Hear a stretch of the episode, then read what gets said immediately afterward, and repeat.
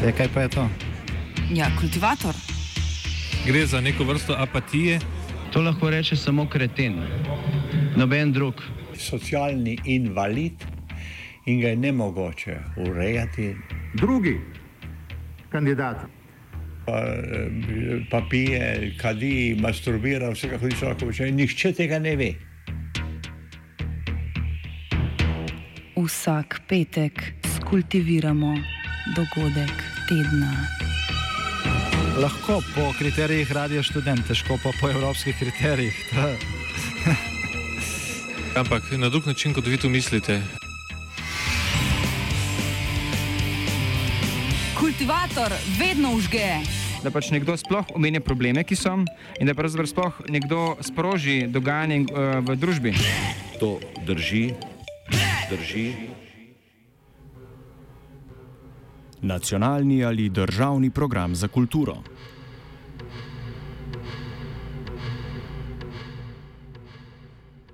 V današnjem kultivatorju kultiviramo kulturo. Natančneje, nacionalni program za kulturo, krajšem NPK, katerega osnutek je ta teden na novinarski konferenci predstavil ministr za kulturo Tone Peršak. Osnutek programa sedaj roma v javno razpravo, v kateri bo do konca septembra. Kasneje ga mora potrditi še parlament, to pa program načeloma dela zavezujočega za vlado. Načeloma pravimo, ker se je do sedaj s premembami v vladi vedno vsaj rahlo spremenil tudi nacionalni program za kulturo. Za program, ki naj bi veljal od 2014 do 2017, se je naprimer že leta 2015 izkazalo, da je finančno neuzdržen. Tej ugotovitvi so sledili 20 milijonov evrov težki rezi v kulturni proračun. Najnovejši MPK se za spremembo od prejšnjih programov sprejema oziroma sprejema za naslednjih 8 in ne 4 leta, kot je bilo do sedaj običajno. S prihajajočimi parlamentarnimi volitvami pa se bo izkazalo, koliko od teh let bo program dejansko izživel.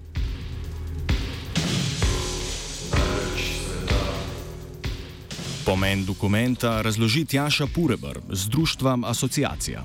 Nacionalni program za kulturo, um, ki se ga v bistvu sprejema zdaj za 8 let, je dejansko tokrat, v bistvu je tokrat ravno zaradi tega, ker nisem, ne, ne bo veljaven samo 4 leta, ampak kar 8 let, v resnici še bolj pomemben dokument, uh, kot je bil do sedaj.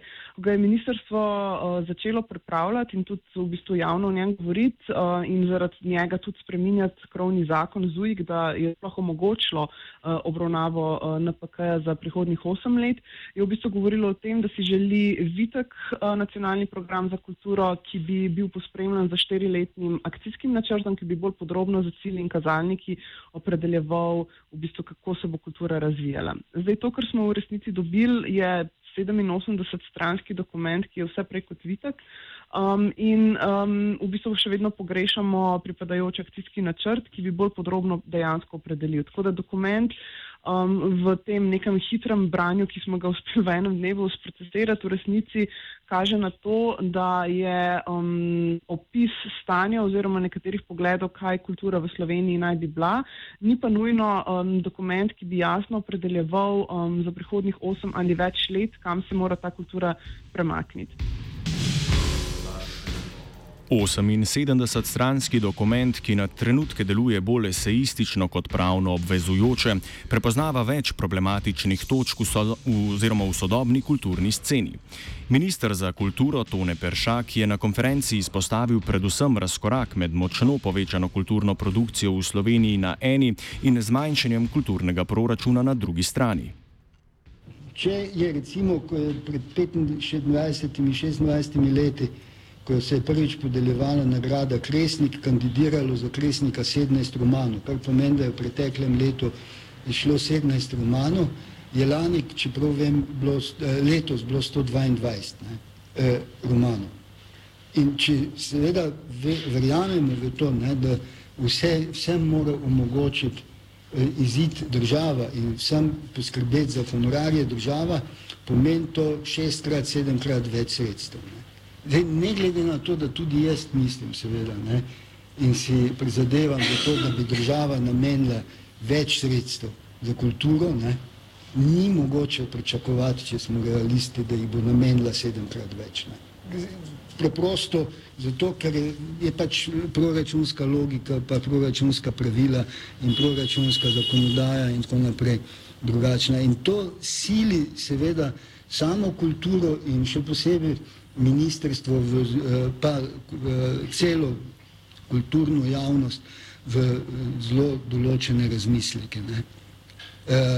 Kako prvič postaviti principe sofinanciranja, ne. drugič, kako priti bolj aktivno, aktivirati druge vire, ki obstajajo možne. Ne. In e, seveda tudi to vprašanje, ali ne na zadnje, ne, kako daleč to pravzaprav zmoremo. Ne. MPK prav tako prepoznava spremenjen položaj kulture v digitalni dobi in zastavlja določene smernice za digitalizacijo institucij, kot je naprimer popolna digitalizacija prijav na nacionalne in druge razpise. Dodatno opozarja na dejstvo, da so sredstva v kulturi centralizirana predvsem v Ljubljani. Osrednja slovenska regija namreč prejme dve tretjini vseh sredstev kulturnega proračuna. V dokumentu je podarjena tudi problematičnost položaja samozaposlenih v kulturi in pa razkorak v količini sredstev dodeljenih javnemu sektorju v primerjavi z nevladnimi organizacijami. V društvu Asociacija so zadovoljni z delom dokumenta, ki prepoznava poseben položaj samozaposlenih v kulturi in nevladnih organizacij. Hkrati jih skrbi, ali se bo ta prepoznavnost prelevila v dejanske ukrepe. Definitivno se nam zdi v asociaciji pozitivno to, da jasno prepoznava, da so nevladni sektor in samozaposleni v kulturi, ki vemo, da so tradicionalno najbolj zapostavljeni uh, deli in elementi kulturnega sektorja, um, tokrat prepoznani kot enakovredni um, igravci. Um, nismo pa prepričani, da se bo v bistvu ta naša prepoznana, uh, prepoznanost uh, prelevila tudi v konkretne ukrepe za stabilizacijo tako financiranja kot infrastrukture, kot programskih sredstev in vseh ostalih elementov, ki jih pač nevladni sektor in samozaposleni potrebujejo. Nacionalni program za kulturo se, kot že omenjeno, posebej posveča samozaposlenim v kulturi. Za ureditev njihovega položaja predvideva nov zakon o samozaposlenih v kulturi. Nekateri ukrepi so sicer začrtani že v samem programu. Tjaša Purebr izpostavi, da je med njimi problematična predvsem delitev na avtorske in neavtorske poklice. Um, če mogoče začnem v bistvu s področjem samozaposlenih v kulturi, ker vemo, da je to najbolj prekarizirano področje um, na polju kulture ne, ne na zadnje, tretjina samozaposlenih po raziskavah živi pod uh, registriranim pragom revščine v Sloveniji. Uh, dejstvo je, da Ministrstvo za kulturo znotraj tokratnega nacionalnega programa za kulturo predvideva, um, po našem mnenju, izjemno nevarno potezo in to je na nek način ločevanje um, poklicov v kulturi uh, na tako imenovane avtorske in neavtorske. Pričemer avtorski poklici naj bi ostali poklici, kot so recimo, um, kot so recimo uh, kipar, slikar, um, pisatelj, pesnik. Skratka, poklici, ki so morda v 19. stoletju resnično funkcionirali kot individualni poklici, tudi danes, pa v bistvu tudi takšni poklici zelo redko lahko funkcionirajo brez urednikov, lektorjev, um, producentov, prevajalcev in tako naprej. Um, in pa seveda, poleg avtorskih, bi vsi ostali poklici bili neavtorski. Um, ti na avtorski poklici pa bi zajemali predvsem tehnično osebje, tehnične poklice, poklice, ki so skriti v kolektivno delo uh, in zaradi tega mogoče manj avtorskega um, priznanja uh, pridobivajo javno, ampak to še ne pomeni, da ne gre za pomembno avtorsko delo, seveda. Um, poklici, kot so poklici pa ustvarjanja. Skratka, um, eno široko paleto poklicov, ki jo v bistvu v polju sodobne umetnosti potrebuješ za to, da lahko sproduciraš neko delo, ker vemo, da danes delo poteka veliko bolj kolektivno. Um, in zaradi tega se nam zdi zelo neumestno, v bistvu pač nekako umetno deliti poklice v kulturi na avtorske in avtorske. Še posebej, ker se bojimo, da za to potezo dejansko se skriva um, neka namera Ministrstva za kulturo, da v bistvu. Uh, Zmanjša število tistih samozaposlenih, ki jim plačuje um, prispevke, uh, prispevke za za, uh, za zavarovanje. Glede na ugotovljeno problematiko na kulturni sceni MPK do leta 2025 postavlja pet strateških ciljev. Prvi med njimi je uveljaviti status kulture v javnem interesu, drugi pa v skladu s tem javnim interesom zagotoviti ustrezen delež javnih sredstev. MPK se tako zavezuje k povečanju proračuna za kulturo za nič celih nič dva odstotka državnega proračuna letno, s čemer naj bi do leta 2025 dosegli proračun Ministrstva za kulturo v višini 1,8 odstotkov celotnega proračuna, kar je nivo iz leta 2008.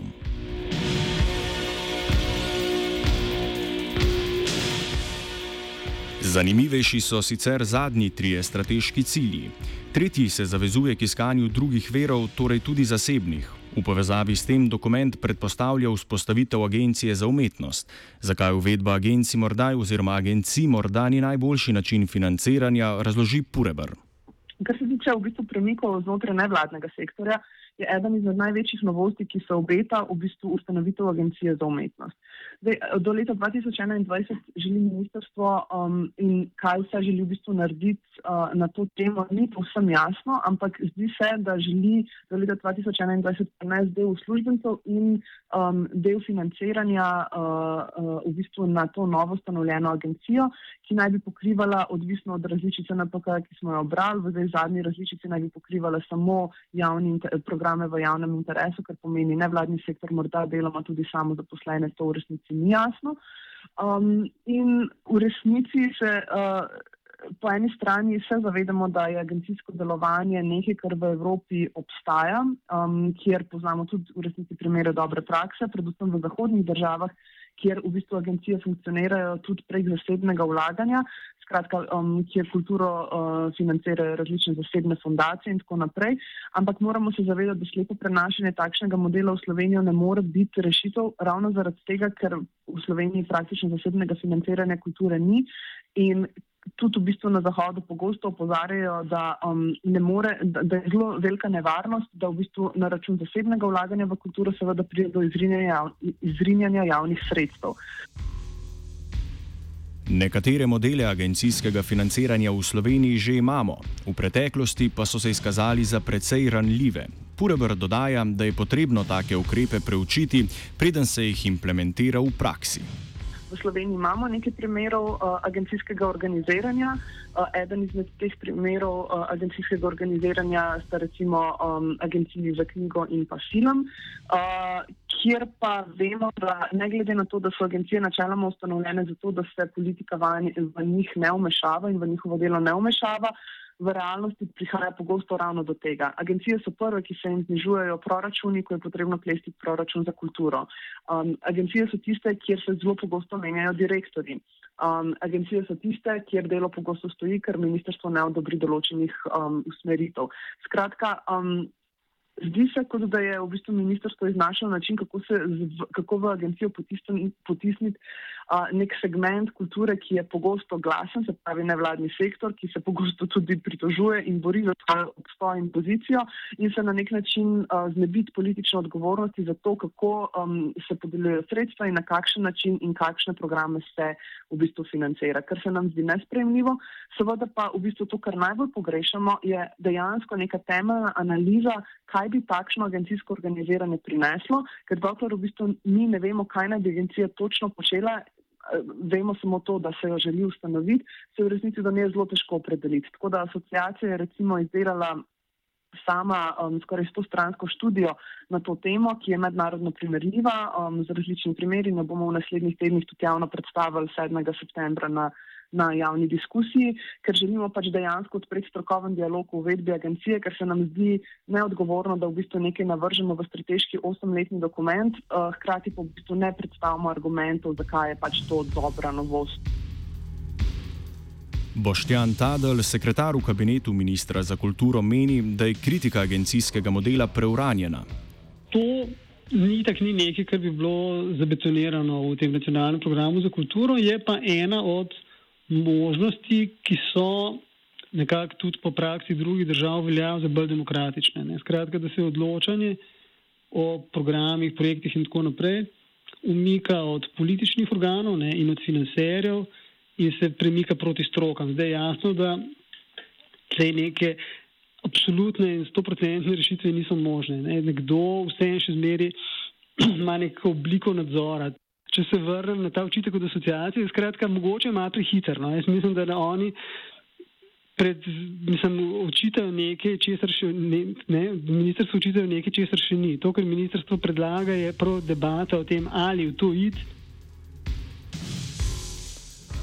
Prav tako nacionalni program za kulturo predvideva sprejem zakona o mecenstvu, s katerim bi spodbudili zasebno financiranje kulture, čeprav kot povdarja Tadel, se zavedajo, da to vrstna praksa pri nas ni vzpostavljena in da odpira pasti v obliki opravičila za posledično nižanje javnih sredstev.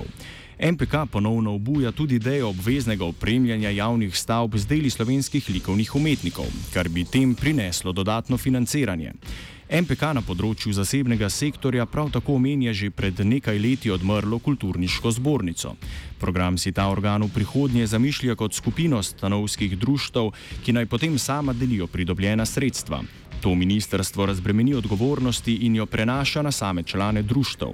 Društvo Asociacija si kulturniško zbornico želi spremeniti v bolj raziskovalen organ, ki bi preučeval učinkovitost kulturnih politik.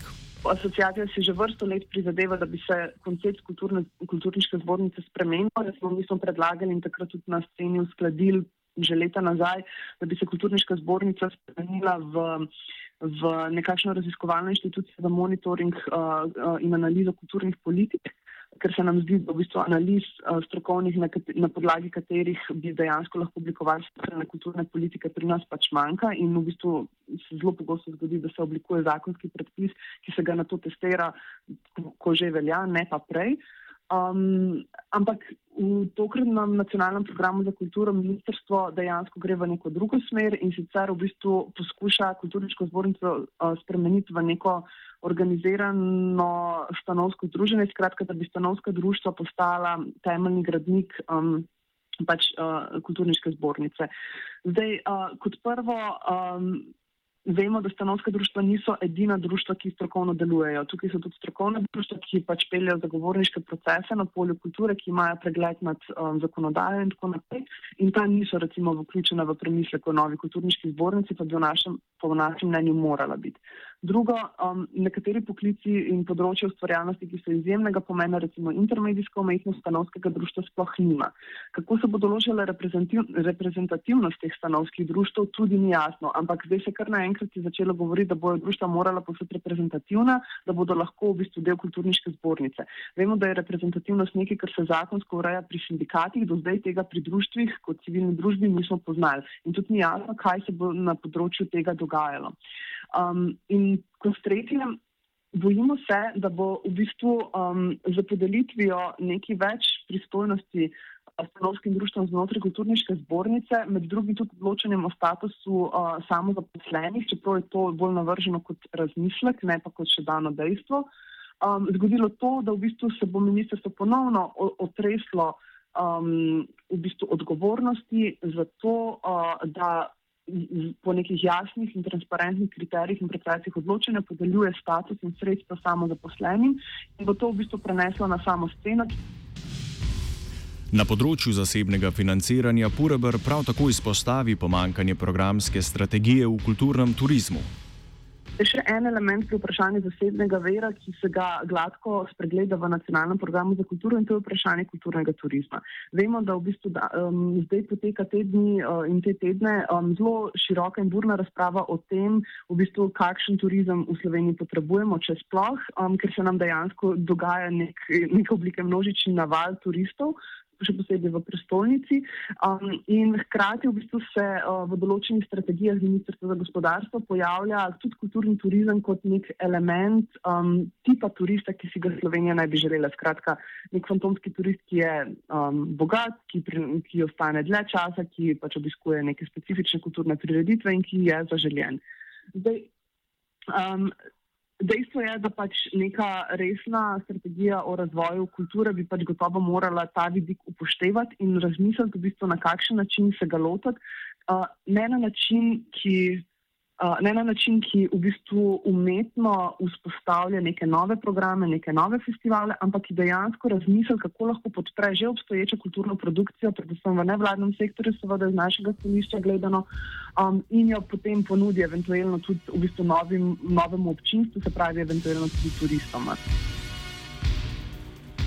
Četrti strateški cilj, ki ga nacionalni program za kulturo vzpostavlja, je decentralizacija sofinanciranja kulture in hkrati odprava nesorazmeri med posameznimi sektorji kulture, predvsem med javnim in nevladnim sektorjem. V asociaciji pozdravljajo predvsem koncesije, ki jih MPK namenja za nevladni sektor, hkrati pa jih skrbi, da bojo primerne le za nekaj nevladnih organizacij. Po eni strani seveda imamo tukaj nesorazmerje. Um, med financiranjem javnega uh, in nevladnega sektorja, seveda globoko v korist javnega sektorja. Um, in uh, tukaj bi zagotovo pač pogrešali uh, nek resen v bistvu uložek Ministrstva za kulturo v to, da enostavno sprejme že usklajene ukrepe, uh, ki so bili v zadnjih desetih letih mnogo krat predstavljeni um, in v bistvu uh, tudi v bistvu konsenzualno uh, premleti strani tako odločevalcev kot uporabnikov, um, recimo znotraj dialoške skupine za nevladni sektor. Um, skratka, kako v bistvu stabilizirati financiranje nevladnega sektorja. Res je, da se v bistvu znotraj NPK uvaja koncesije za nevladni sektor, ampak um, se ne, kar je gotovo pozitiven premik, ki ga mi dejansko pozdravljamo.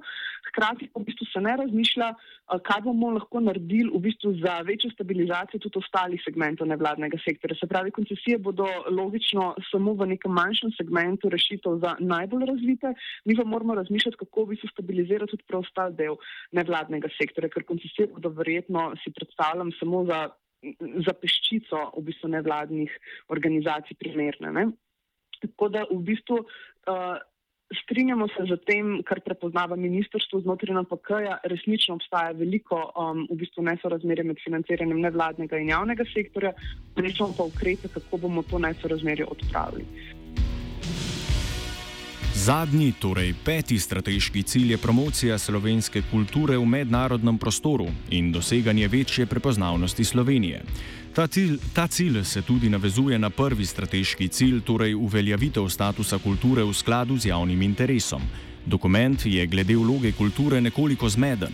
Večkrat je poudarjeno, da se pomen kulture spreminja in mora biti osvobojen državotvornosti in narodotvornosti, ki sta ga bremenili v preteklosti. Pojasni Tadel. To, kar piše v tem dokumentu, je lih to, da je treba to presežiti. To narodotvorno in državotvorno in jo spremeniti kot družbotvorno, skratka kot nekaj, kar, kar je neko vezivo skupnosti, nek autorefleksiven moment skupnosti. Jaz mislim, da jaz razumem to drugačno, da, da ta tekst poskuša pledirati k neki drugačni.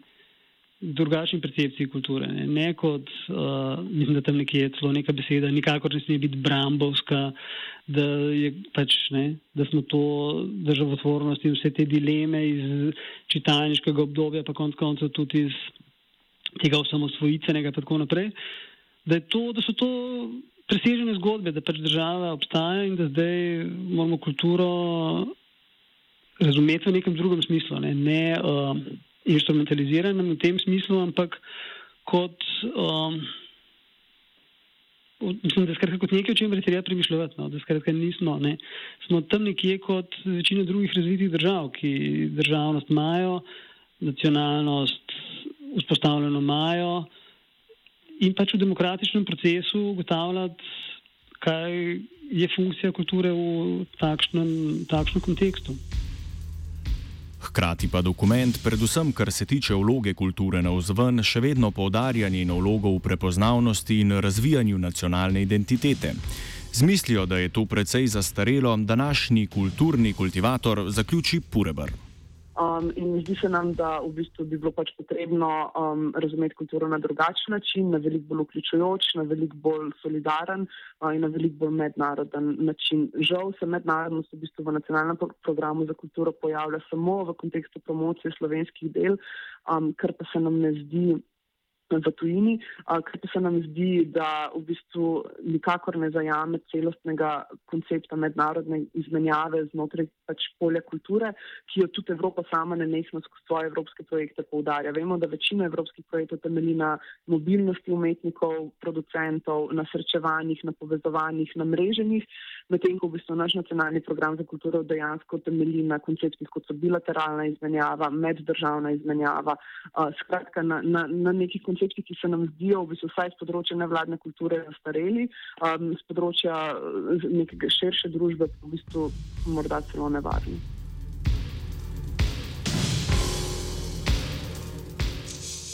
Kultivirala je Lana. Program kuten vetet, soluta, nedelä, nevet, in osan veset, selis, li, megakesta, uhkavet, stereo, oot, väisette, do, stili, in, väisette, ure.